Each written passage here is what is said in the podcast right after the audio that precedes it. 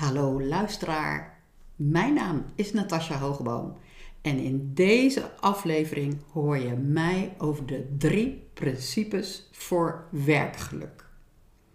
Want de meest gestelde vraag op dit moment aan mij is: wat zijn die drie principes nou eigenlijk? Nou, laat ik eerst eens beginnen met wat ze vooral niet zijn. De drie principes, door dat getalletje denk ik, hebben veel mensen het idee dat het een soort stappenplan is. Zo van de drie stappen richting werkgeluk. Nou, dat is het dus niet. Het is geen stappenplan. Sterker nog, het is überhaupt helemaal geen methode of een manier om te komen tot werkgeluk. Wat ik ook nog wel eens hoorde van de week nog dat iemand zei: Ah, ja, er zit echt iets in, Natasja, wat jij zegt. Uh, ja, het heeft iets te maken met omdenken. Nee, het is ook niet omdenken. Het is ook niet iets van affirmeren. Dat je er, er is helemaal niks te doen. Er is helemaal niks te doen, gek hè, maar er is echt niks te doen. Dus die drie principes eh, is dus echt niet omdenken, want dat is alweer een stap te ver de illusie in. Het is ook geen mindfulness. En ik snap best dat, dat je af en toe het gevoel hebt: hé, hey, daar lijkt het op. Ik moet me ergens bewust van zijn of zo. Maar nee, dat is het ook niet. Maar wat is het dan wel? Wat is het dan wel? Nou, de drie principes die zijn zo'n 50 jaar geleden beschreven. Het is dus ook echt alleen maar een beschrijving. Niet meer en minder dan dat. Het is een beschrijving en wat beschrijven ze dan? Ze beschrijven eigenlijk de menselijke ervaring. En wat bedoelen we daar dan mee? De menselijke ervaring. Nou, op dit moment luister je naar mijn stem. Hoe kan jij dat ervaren? Misschien denk je nu als eerste, ja, omdat ik uh, kan luisteren. Maar hoe wordt die ervaring nu eigenlijk gecreëerd? Inclusief wellicht allerlei oordelen die je nu hebt over dit verhaal, of allerlei vergelijkingen die je nu aan het maken bent met dit verhaal. Hoe wordt die menselijke ervaring nou eigenlijk gecreëerd? En wat ik dan zo super tof vind aan die drie principes, dat het ook een link legt naar onze ware natuur. Wie, of misschien beter gezegd, wat zijn wij nou eigenlijk echt? En die drie principes, ik kan ze alle drie opnoemen hoor, maar dan zegt jou het eigenlijk waarschijnlijk nog helemaal niks, behalve als je er al mee bekend bent.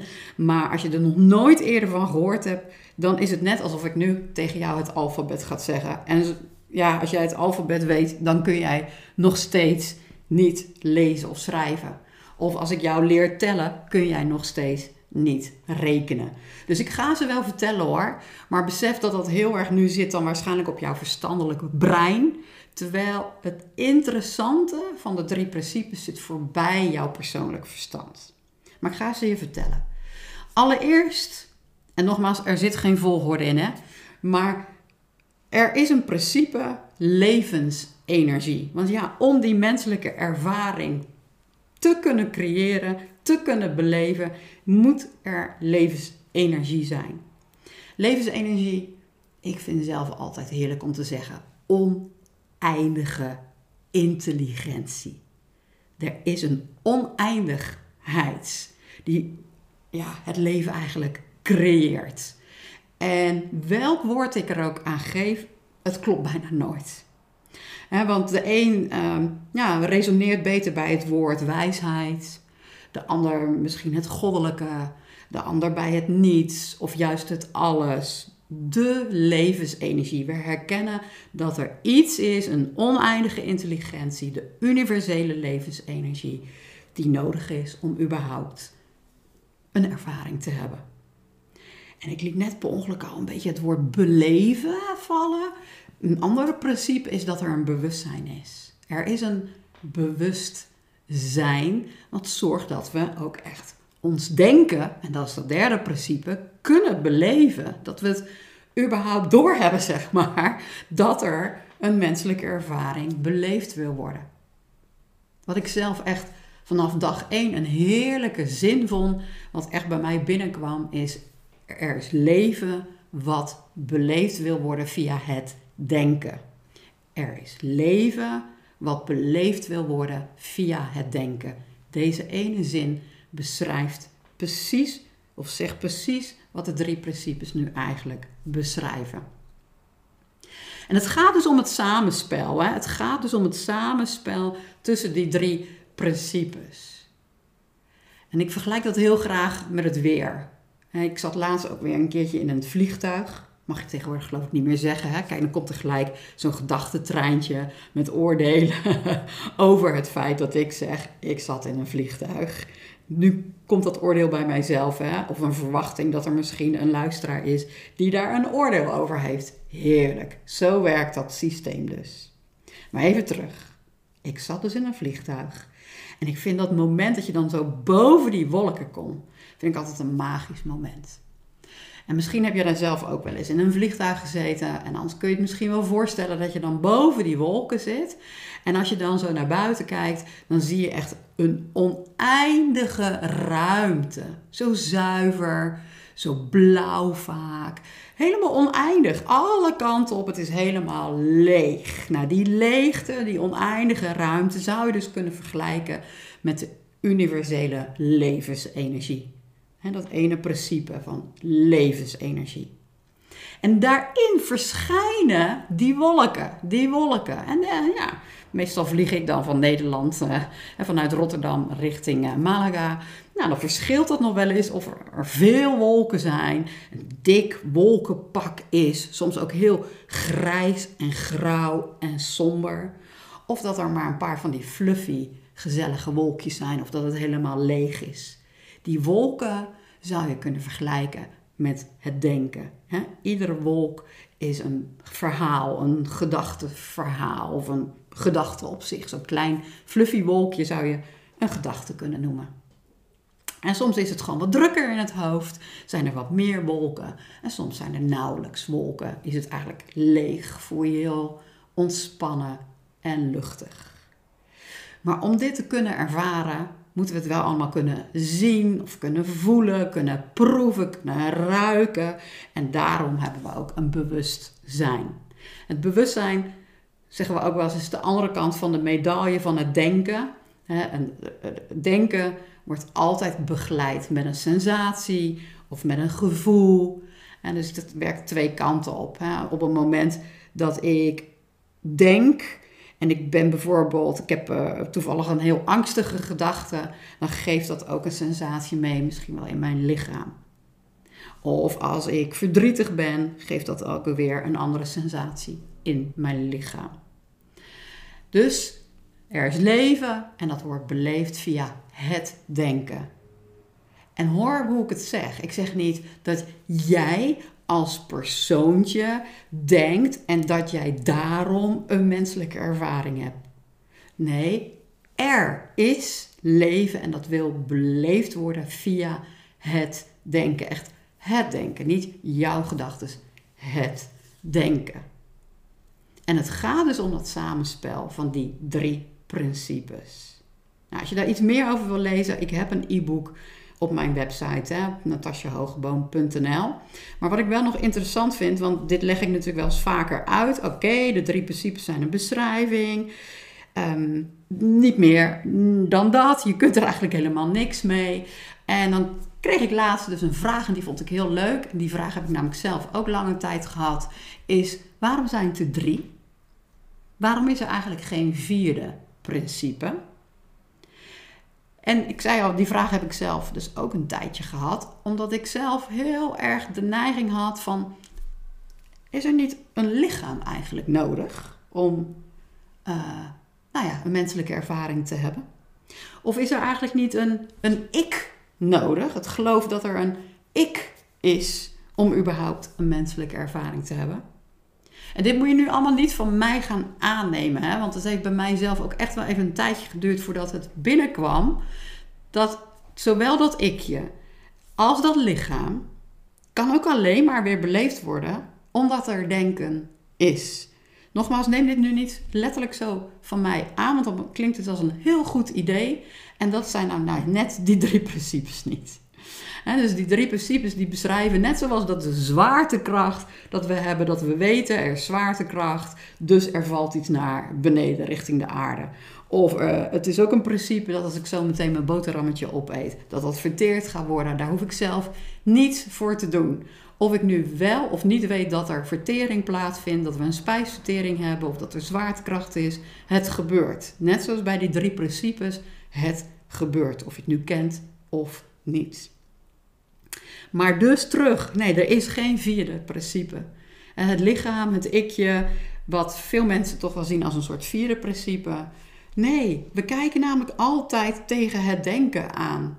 We kijken altijd tegen het denken aan. Het denken zorgt er dus voor dat wij een ik kunnen ervaren of dat we een lichaam kunnen ervaren. En ik vergelijk dat wel eens met alsof je ook een bril op hebt. Welke denkbril heb jij vandaag op? En daar kun jij helemaal niks aan doen. En dat is wel interessant. We hebben soms het idee, en dat komt natuurlijk ook door al die stappenplannen en methodes die er allemaal rondgaan, in de neiging dat er gefixt moet worden, dat het anders moet zijn dan dat het nu is. Zijn er zoveel stappenplannen gekomen. En daardoor zijn we gaan geloven dat we zelf invloed hebben op de bril die we opzetten. Maar is dat nou echt zo? Kijk gewoon eens voor jezelf. Gewoon gedurende een dag lijkt dat best wel eens te fluctueren. En soms sta je op en zonder dat je het zelf doorhebt, is die bril best wel donker. En hoe donkerder die bril is, hè, een beetje wat lagere gemoedstoestand, ja, dan komen er ook wat sombere gedachten. En soms heb je ook wel eens van die dagen, zonder dat je daar zelf invloed op hebt eigenlijk. Dan word je wakker en dan ben je ineens heel erg blij. En dat kan ook zelfs gedurende een dag ineens enorm veranderen. Dan heb je ineens een roze bril op. En ja, dan zit je in een andere gemoedstoestand. Noem het voor het gemak even een hogere. Maar ik heb altijd een beetje moeite met die woorden laag en hoog. Alsof dat beter is. het is gewoon een andere gemoedstoestand. Maar die bepaalt wel, als ik een roze bril op heb, dan heb ik waarschijnlijk ook wat vrolijke, blije gedachten. En die gemoedstoestanden herkennen. En herkennen dat iedereen in een denkwereld eh, leeft. Dat maakt zo interessant voor jouw werk. Dat maakt het juist zo interessant voor jouw werk. Want hoe meer en meer jij dit gaat herkennen, hoe meer jij persoonlijk ook de behoefte voelt om je eigen brillen nog te gaan poetsen. En uh, te gaan zitten ploeteren van, oh ja, ik, ik had ook eigenlijk een andere bril uh, mee moeten nemen vandaag of op moeten zetten. Terwijl je daar zelf helemaal geen invloed op uh, hebt. Het gebeurt gewoon. Maar je herkent dan ook dat het allemaal tijdelijk is. Net zoals dat weer. Net zoals het weer. Weet je wat, die, die wolken en, en, en of de zon wel of niet schijnt, kunnen wij ook niet beïnvloeden. Ik bedoel, als het, uh, nou ja, vandaag is het echt, terwijl ik dit opneem, een behoorlijk regenachtige dag. Ja, ik kan niet naar buiten gaan lopen en gaan blazen en gaan duwen om die wolken weg te krijgen. Dat neemt niet weg dat ik nog wel een paraplu op kan zetten. Maar als ik die paraplu niet bij me heb, weet ik ook, ja, ik ben niet van suiker, hè, dus uh, ik ga niet wegsmelten. Want je bent gewoon altijd heel en compleet. En dat laatste, als je dat gaat herkennen, dat we eigenlijk datgene wat we zoeken, of het nou gaat om werkgeluk, of het nou gaat om een leuke relatie, of een nieuwe baan, of meer gemak, of minder ongemak in ons leven, of we willen wel meer zekerheid hebben, of wat meer kunnen vertrouwen op onze intuïtie. Datgene wat je zoekt, daar kijk je vandaan. Daar kijk je vandaan. En als je dat gaat herkennen, wauw. Dat is een heel ander uitgangspunt, hè? Dat scheelt je heel veel tijd in fixen en strijden met de ervaring en streven naar een andere ervaring. En nogmaals, dat neemt niet weg dat je dan toch nog af en toe een paraplu pakt. Hè? Of dat je toch af en toe nog eens een cursus gaat doen. Of dat je toch nog af en toe denkt van, nou, ik ga eens een andere baan zoeken. Maar vanuit een heel ander uitgangspunt. Vanuit het feit dat je ziet dat jouw basisstelling helemaal heel en compleet is. Want jouw ware natuur is die levensenergie. Die ware natuur is die levensenergie. En ik merk dat alleen maar luisteren naar een podcast misschien te weinig is om dit echt te gaan zien. Dus daarom organiseer ik natuurlijk ook kennismakingsdagen, zowel uh, online als op locatie. Dus uh, kijk gewoon eventjes op uh, natasjahogeboom.nl, bijvoorbeeld voor het dagretreat, dat is op locatie in Breda. Dan gaan we ook echt even lekker mijmeren en kun je ook je vragen stellen. En juist daar waar jij tegenaan loopt, gewoon eens neerleggen. En dan kunnen we eens gewoon eens in het licht van die drie principes houden. Hoe wordt die ervaring nou eigenlijk gecreëerd en beleefd? Um, heb je zoiets van, ja, ik heb geen zin om naar Breda uh, te komen. Of ik wil niet zo'n dagretreat. Ik vind het leuker om het online te doen. Dan heb ik ook een online introductieprogramma. En sterker nog, wil je langer en dieper met mij aan de, aan de slag? Ik heb ook een groepsprogramma voor het bedrijfsleven of gewoon één op één coaching. Dus kijk even op natasjahogeboom.nl. Maar ik hoop dat ik jou met deze afleveringen al iets meer duidelijkheid heb gegeven wat die drie principes nou zijn. Maar vooral ook wat ze niet zijn. En als je merkte dat je toch begint te vergelijken, of dat je er een oordeel over hebt, dan zou ik nu zeggen: stap het. Stop het. Stop deze podcast. en zet ook een punt achter die gedachtentrein in jouw hoofd. Maar ik hoop wel dat je de volgende aflevering wel weer gaat luisteren. Heb je trouwens een suggestie voor een aflevering? Iets waar jij tegenaan loopt op jouw werk of gewoon algemeen in jouw leven? Mail het naar contact.natasjahogboom.nl Tot de volgende aflevering.